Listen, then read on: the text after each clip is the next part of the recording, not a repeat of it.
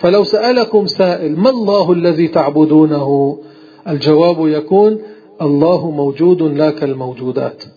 هذا الجواب السليم الصحيح. الله موجود لا كالموجودات. ثم ما جاء في القرآن الكريم مما ظاهره يوهم خلاف ذلك فليس المقصود به هذا الظاهر. أكيد. ليش؟ لأن القرآن لا يتضارب ولا يتعارض ولا يتناقض بل يؤيد بعضه بعضا ويعضد بعضه بعضا. كذلك حديث الرسول صلى الله عليه وسلم.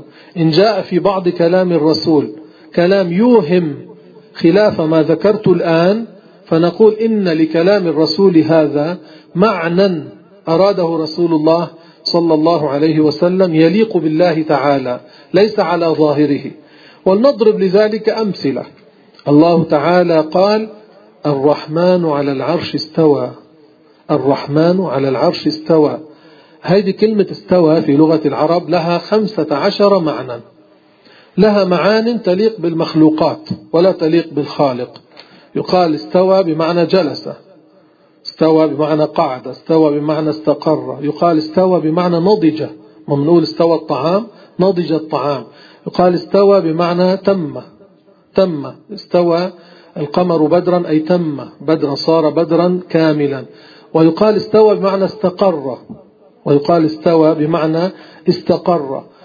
ويقال استوى صار سويا يعني مستقيما صار مستقيما.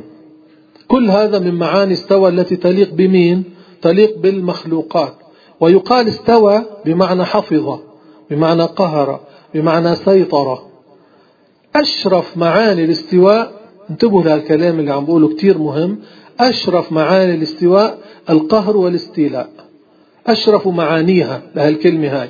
فلما نقول نقرأ الرحمن على العرش استوى نطلع. شو قالوا العلماء؟ قالوا أشرف معاني الاستواء القهر والاستيلاء. فيكون المعنى الرحمن على العرش استوى خلق الله العرش وهو قاهره ومستول عليه. هذا معناته. ما بنترك أشرف المعاني التي تليق بالله. ومنقول معناته استوى استقر وقعد وجلس. لا هذا معنى يليق بالمخلوقات يليق بالإنسان بالبهيمة بالجن بالملائكة. بيجلسوا بيقعدوا بيستقروا بيتغيروا من حال لحال. أما الله لا. أليس الله كان موجودا قبل أن يوجد هذا العرش؟ بلى. ماذا يقال عن وجوده قبل وجود العرش؟ كان موجودا بلا عرش ولا كرسي ولا سماوات. كان موجودا بلا جهة ولا مكان. الله بعد أن خلق العرش هل يجوز أن يكون اكتسب وصفا جديدا حين أحدث شيئا من خلقه؟ لا لا يجوز عليه ذلك. اللي عم بيقول الله جلس على العرش أو استقر أو قعد جعل الله متغيرا بإحداث شيء من الخلق. لأن معنى كلامه أن الله لم يكن جالسا ثم صار جالسا بعد خلق العرش. الله لا يجوز عليه ذلك. ولا يجوز عليه الجلوس أصلا. كل واحد منكم هلا جالس. شو معنات هالجلوس هيدا؟ التصاق شيء من جسمه بالشيء الذي يجلس عليه. يعني في جسم في حجم وقاعد على حجم. هذا يجوز على الله؟ لا. كل واحد قاعد منا له ركبة تنثني وله نصفان أعلى وأسفل. هذا يجوز على الله؟ لا يجوز على الله. هذا يجوز على المخلوقات. والله قال ليس كمثله شيء.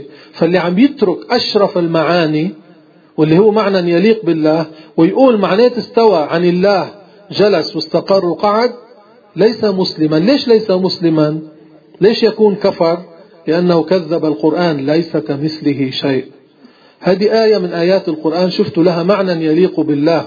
ما منفسر القرآن من عند أنفسنا ولا برأينا ولا بوهمنا ولا بتخيلاتنا. الله تعالى قال والله من ورائهم محيط. إذا واحد قال بدي أخذ بظاهر هذه الآية جعل الله كالسور الذي يحيط بالبناء. والله من ورائهم محيط. هذا يجوز على الله؟ لا. مثل ما منقول هذه الآية مش على ظاهرها لأنه لا يليق هذا الظاهر بالله. منقول الرحمن على العرش استوى. ليست على ظاهرها المتوهم لأن هذا لا يليق بالله. الله قال وهو معكم أينما كنتم. إذا واحد قال لا على ظاهرها والعياذ بالله بيصير معنات كلامه في مجلس العلم الشريف على زعمه الله معنا في بيت الخلاء والعياذ بالله يصير الله معنا في المسجد الله معنا بذاته يعني. هذا لا يجوز على الله. طب شو معنات وهو معكم أينما كنتم؟ عالم بكم أينما كنتم. لا يخفى عليه حال من أحوالكم. هذا المعنى الذي يليق بالله تبارك وتعالى. الله تعالى قال وهو الذي في السماء إله وفي الأرض إله. إذا واحد قال أنا بأخذ بالظاهر. ما بقول نقولها معنى غير الظاهر. يصير المعنى فيه تناقض. يصير المعنى والعياذ بالله أن الله في جهة السماء وأن الله في جهة الأرض. هذا يجوز على الله؟ لا. وهو الذي في السماء إله الإله المعبود المعبود بحق. ثم صار المشركون يستعملون كلمة الإله لما عبدوه بغير حق. فحين نقرأ الآية وهو الذي في السماء إله أي معبود في السماء. من يعبده في السماء؟ الملائكة. وفي الأرض من يعبده في الأرض؟ المؤمنون من الإنس والجن. هذا معنى صحيح ومستقيم ويليق بالله تبارك وتعالى. الله تعالى قال ونحن أقرب إليه من حبل الوريد. إذا واحد قال على الظاهر أنا ما بأول الآيات بخدع على ظاهرها وين حبل الوريد؟ عرق الدم اللي ماشي فينا كل إنسان عايش في هذا العرق اللي هون. إذا قال أنا على الظاهر معناته جعل الله بين عرق الدم والجلد. هل يجوز هذا على الله؟ لا يجوز هذا على الله. بنقول معنات ونحن أقرب إليه من حبل الوريد. الله أعلم بنا من أنفسنا. الله أعلم بعبده من نفسه.